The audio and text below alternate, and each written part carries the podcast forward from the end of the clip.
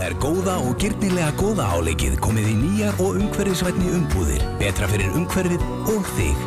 Góði. Alltaf góður.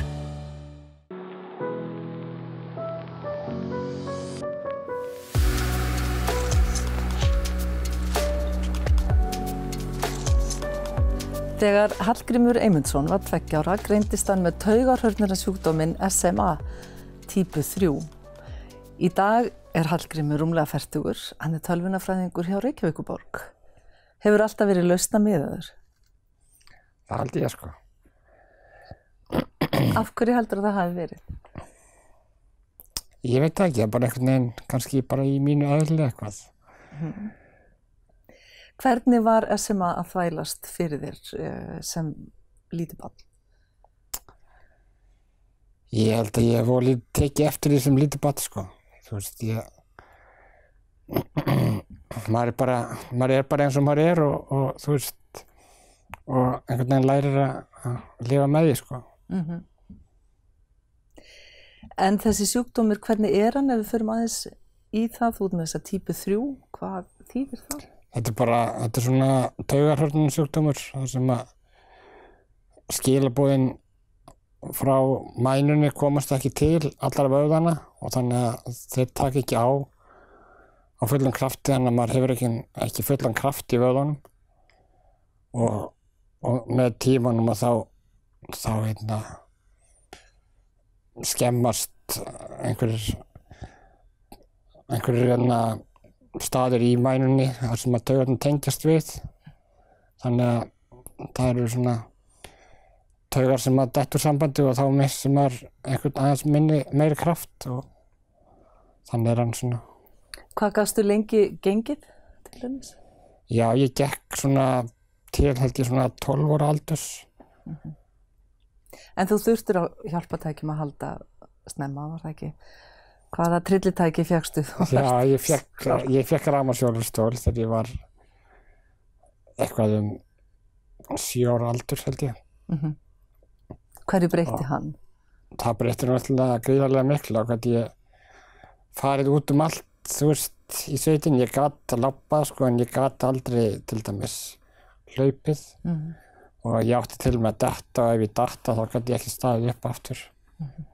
Þannig að ef ég fór eitthvað út að þá gæti ég dottið einhvers þar og Og leið bara. já, ég seti bara og tunda mér þá það sem ég satt. Já, það hefur auðvitað komið einhvern veginn fyrir. já, Hvað er sveitin þín? það er Sörbær í Skagafyrði í Lýtingstaðarreppi hinn um forna. Já, eins og frækt er.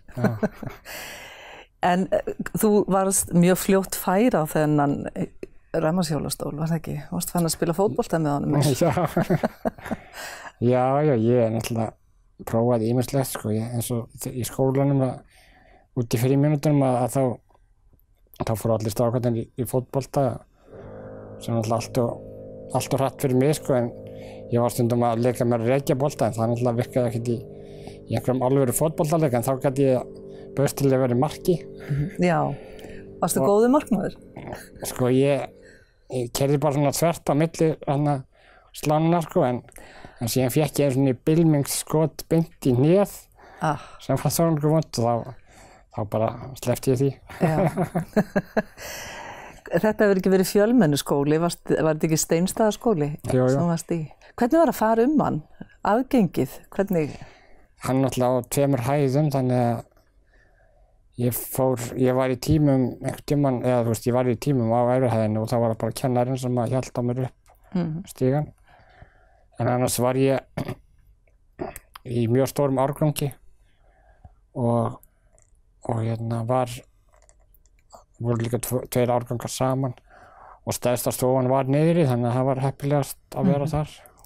Hvað varstu lengi þarna? Ég kláraði níunda bekk og svo fór ég tíunda bekk í Varmalíð. Og var búið að undirbúa eitthvað komið þína í varmalíðaskóla? Já, það náttúrulega var fyrir séð að, að, að það hefði gera einhverja breytingar þar af því að þar var farið í skólan og gera það þar sem að var ekkert nema smíðaverstæði, það er alltaf stofur þar fyrir ofan. En það var gerð nýr ingangur á sunnan megin og hérna og svo var lifta þar upp á næstu aðeins fyrir ofan þannig að ég komst um allan skólan. Þannig að Hvernig var skilningur svona á, á þínum málum í Skagafjörðu þessum tíma? Þurftu fóruldræðinir að berjast mikið? Já, já, þetta var alltaf bara alltaf, þú veist, Já, var það. með þess að bara þegar ég fe- fékk stólinn að þá var, þá var, þú veist, vesinn, þú veist, að, fara með hann í skólan til dæmis. Hvað var nú vesinn við það? Ég er náttúrulega út í sveit og ekki fer ég á stólnum í skólan og, Nei. og skólabílinn hann var ekki aðgengilegur til að taka mig sko í, í stólnum en, en það var smiður kerra þú veist og, og svona stór lokur kerra þar sem að hurðin var opnuð og var þá rampur þar sem að verða að keira stólinn inn öðrum megin og út hinum megin. og svo bara haldið á mér í bílinn og ég var inn í bílinnum Var það þá bara skólabílstjórinn sem að gerði þetta upp á sitt einslæmi heldur eða? Ég þekki það ekki sko, en hann var náttúrulega mjög lausna með þeirra maður og alveg, alveg frábær, frábær einstaklingur sko, sem að, Já. Hefur þið verið heppin með fólki í kringu þig? já, alveg sérlega sko. Já. Hvernig, hvernig laðast það að þér? Ke- Kemur það bara til þín? Já, já, það er bara svo mikið það af góðu fólki og, og, og þú veist, og, og, það, þú veist, hjálpa mann að komast í gegnum þau vandamál sem að koma upp og, og, og já. Hvernig var eh, til dæmis vinátta og, og svona, hvernig, fannst eitthvað fyrir því að, að, að, að þú ættir erfiðara með að eignast vini heldur en aðrir? Já, þú veist, ég gæti náttúrulega ekki tekið þátt eins og í barnaskólanum eins Nei. og ég var, var oft til dæmis bara inni að því að það var erfitt fyrir mig kannski að vera úti og mér var kallt og náttúrulega kannski snjór og ég komst ekkert út um allt. Hvað gerður þið þá? Ég man ég fór oft í mötunettið og talaði við konurnar þar sem voru að eld- elda og, og það voru jarðhæðinni sko. Að kennarstofun var á hæðinni. Hvernig fannstu helst fyrir uh, þinni föllum sem krakki? Já, ég gæti náttúrulega ekki kannski verið með í öllu sem ég hefði mögulega þú veist, ímyndað mér að geta verið með í. Mm Manstu eftir einhverju svona atviki eða eitthvað sem að fekk því svolítið niður á jörðina með þetta? Já, það var svona bara eitt og annað. Ég meina, ég man til dæmis eftir því einhvern tíman, það voru oft krakkar heima í sveitinni og, og ég held að mamma hefði farið eins og með það í göngutúr á fossinum og ég komst ekkert með það því að það var ekki aðgengilegt að, að fara þar á stólunum sko.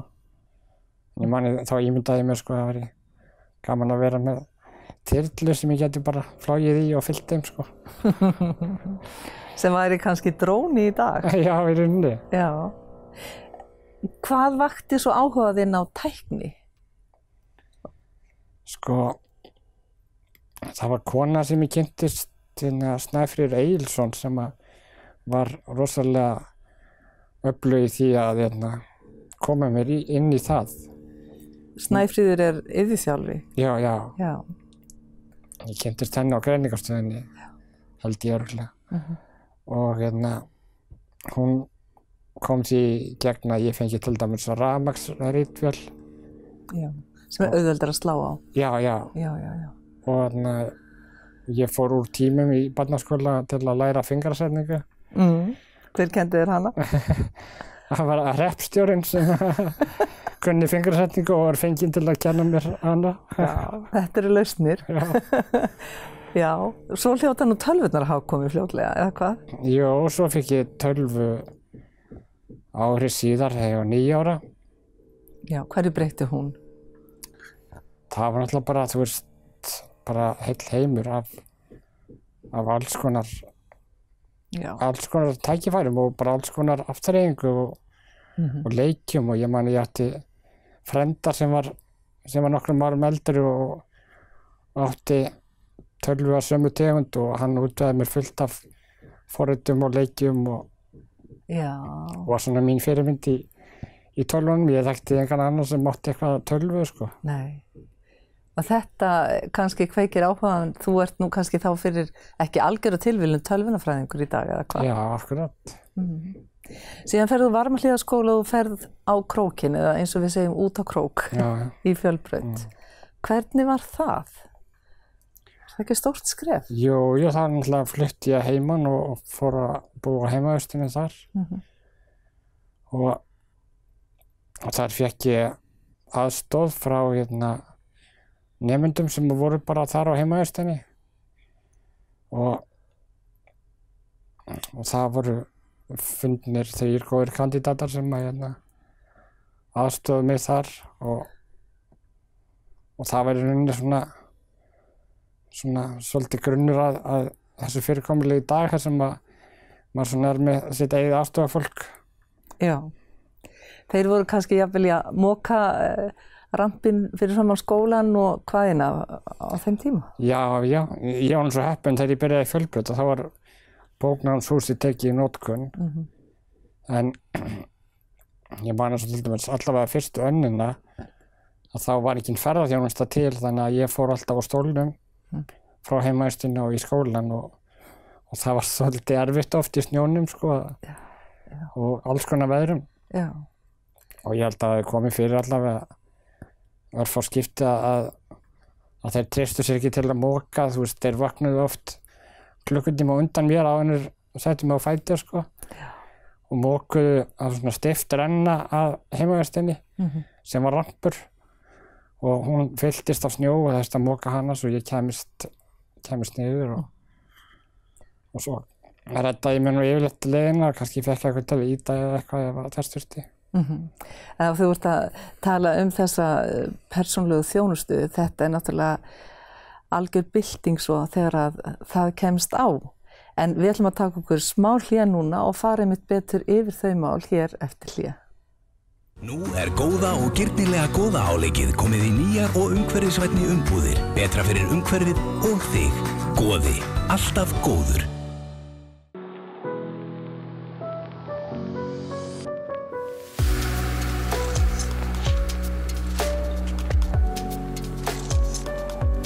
Þegar Hallgrimur var tæplega þrítugur þá kynntist hann NPA hugmyndafræðinni, notenda stýrdri persónulegri aðstóð sem breytti líf hans. Er hægt að tala um lífið fyrir og eftir NPA? algjörlega sko það Segðu mér. það er bara nýtt líf sko Hvernig, hvernig varstu áskynja um þetta, uh, þessa hugmyndafræði? Hvar sástu þetta? sko vinur minn að Teddy hann var náttúrulega þróskaþjálfi og, og Þetta er einn af þeim fyrirgjöð sem var að hjálpa þér í Já, fjölbyrtaskólan. já. já. og meira en það sko hann, hjálpaði mér líka þegar ég var yngri en það og í sumabúðum fyrir norðan já. og svo flutt hann með mér eða já, þegar ég flutti söður þá var hann aðstofamaður minn þar líka sko Já. Og hann var að læra þróskaþjálfi og þróskaþjálfun og hérna og ég man ekki hvort ég kynntist þessu eitthvað beint í gegnum hann en ég man allavega eftir því að ég sá viðtal í dagsljósi eða kastljósi, ég man ekki hvort það hétt þá. Þar við danskan mann sem kom til landsins og, og hérna var í rafmarsjólstól og tengdur öndunavél og með svipaðan sjúkdóm, eða sama sjúkdóm og ég, bara aðra típu held ég.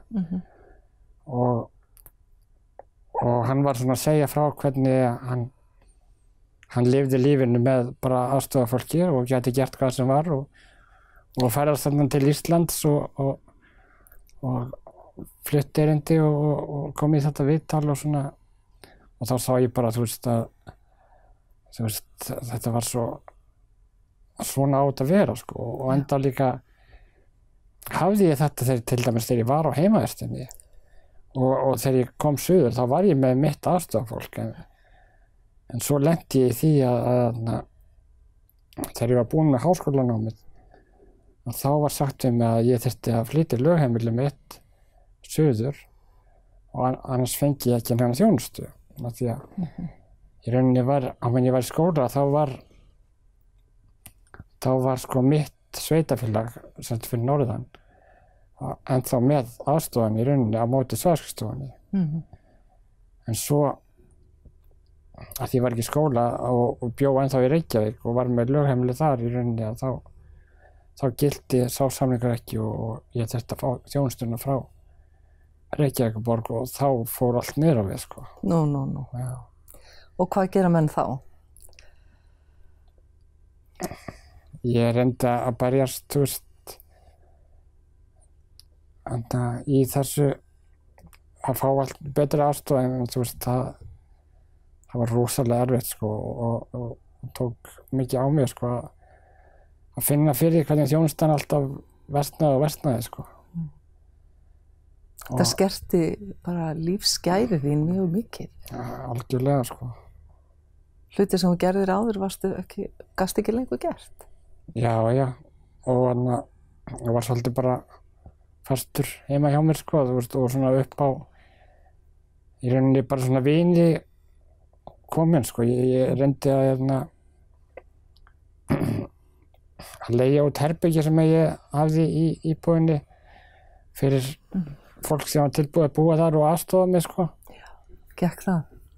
Já, já, ég fekk fullt af eða þú veist, það var alltaf einhverjir félagar og kunningjar svona. En það er ekkit svona fast í hendi Nei, í nei. raun. En hvenar gerist það svo að eh, NPA verður að veruleika fyrir þig? Sko, þetta ánum sér langan aðdraðanda, sko, ég man að þarna, ég fór í hóp með öflugu fólki 2008 og eh, í loka árs 2008, við byrjum 2009 að svona vinna að stofnun einhvers svona samvinnufélags fallars fólks fyrir þessa hugmyndafræði um sjálfstætt líf og, og fyrir og, og kannski meira fyrir þú veist eins og eitthvað eitthvað fyrirtæki til að aðstofa fólk við að að reka eða þú veist að vera með notastýra persónulega aðstof Mm og það var árið síðan 2010 sem við stopnum NPA-miðstöðina Það er stór áfangi. já, Hvað voru þið mörg? sko stopfundurinn var mjög fjölmennur og allir allir urðu stoppfélagar en það var enginn með per, persónulega aðstöð eða náttúrulega stýra persónulega aðstöð Nei. ekki á þeim tíma því Nei. það var ekkert komið Nei. en en svo leið tíminn og, og, og þetta þetta innleðingaverkefni eins og við köllum það fór í gang þar sem að sveitafélagum var gefin kostur á því að, að, að prófa sig áfram með þetta og, og þá fór fólk að fá samninga og þá fórum við að reka miðstöðina á það hátt að hún var umsýslaðili þeirra samninga og, og hérna og ég byrjaði með minn samning 2013 þegar það hófstjóra ekki okkur borg þetta tilhengnaverkefni eins og þau kalluðu það. Já. En þið kalluðu það aðlöðunarverkefni? Já, við kallum þetta aðlegnaverkefni, það var hvergi talað um í lögunum að þetta væri tilhengnaverkefni, þetta voru ansi marga tilraunir búnar sko, þú veist. Þá búið með kótan í tilraunum. Já, þú veist, í rauninni var þetta tilraun sem ég var með, annar fyrir norðan á heimaðistinni, þú veist, það var, það var NPA í rauninni sko. Já. Og fleiri hefðu verið í svona tilraunum sko, þannig En fannstu að þetta gaf bæði þér og öðrum von um sjálfstætt líf? Já, þú veist, þetta er bara svo, þetta er svo miklu eðlilegra að, að ráða sér sjálfur, veist, að ráða sér dagið aðstofa fólk, Já. ráða fólk, veist, gera auðlýsingu, fá fólk í viðtal sem vill koma að vinna hjá þér.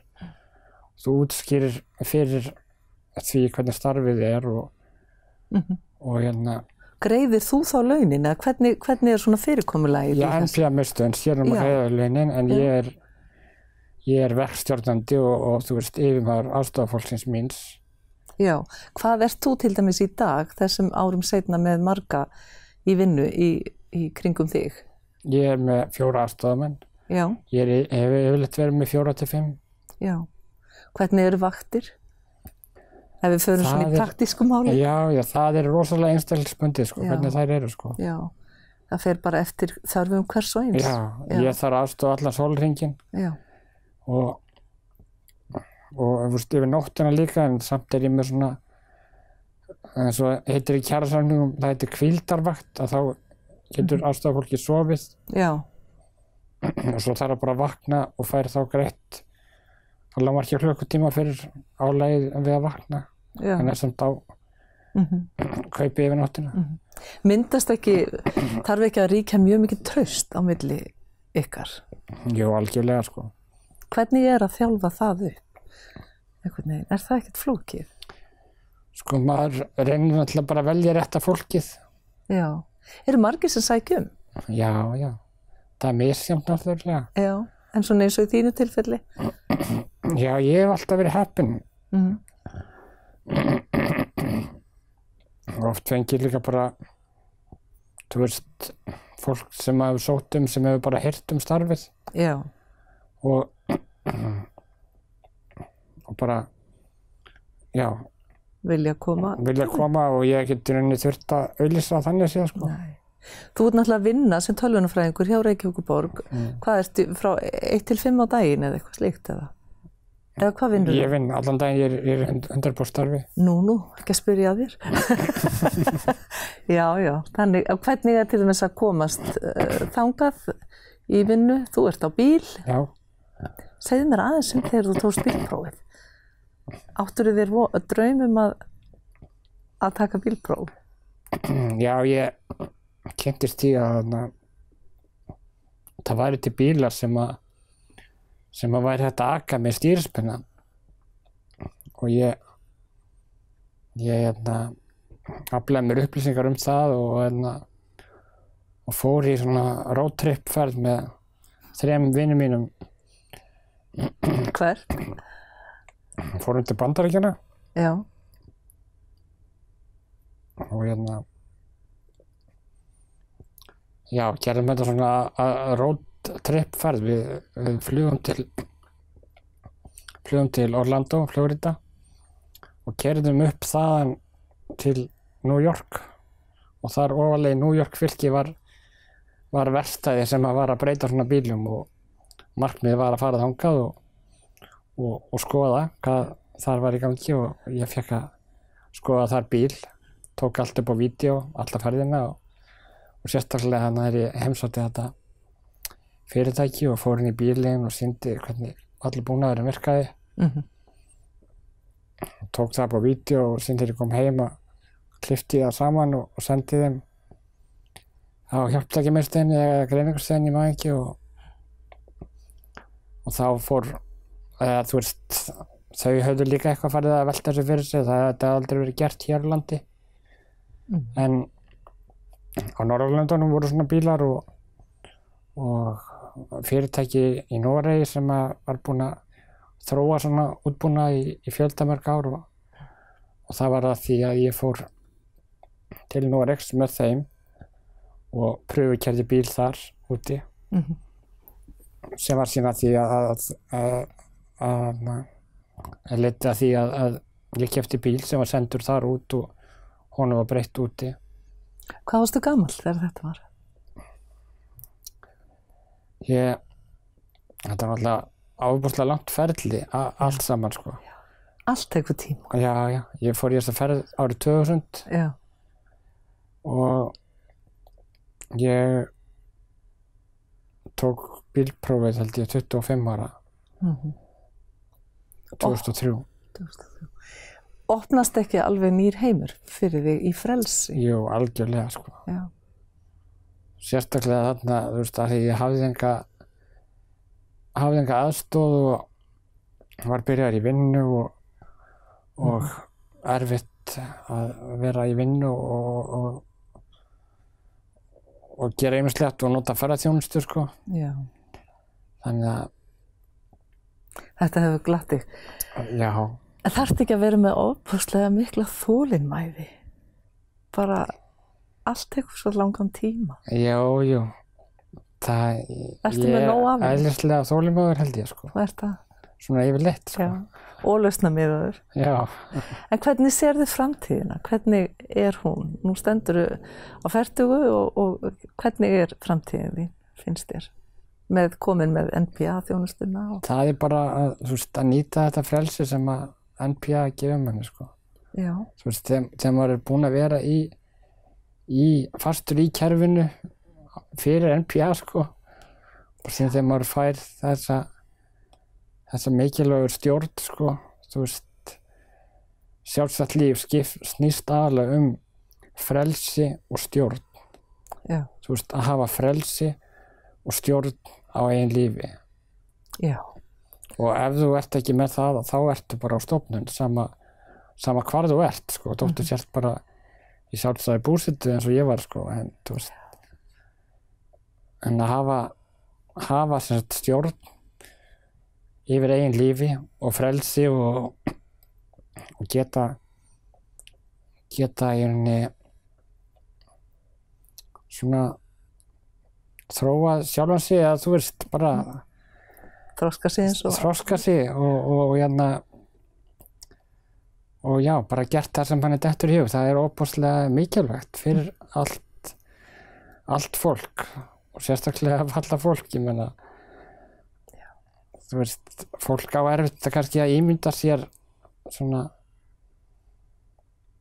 hvaða hvaða hefur þegar það þegar það, veist hefur einhver skerðingar mm -hmm. að þannig að þú veist, þá kannski er það erfitt að setja sig í þessi spór en, en að Og þá virka maður líka vannþakklátur oft. Já, já, en ka- kannski bara, þú veist, veit ekki betur. Það er kannski meira þannig. Gott að heyra söguna þína og bjarta tíma framöndan. Takk innlega fyrir að koma og deila þessari sögu með okkur. Gangið vel í lífinu áfram. Takk þér.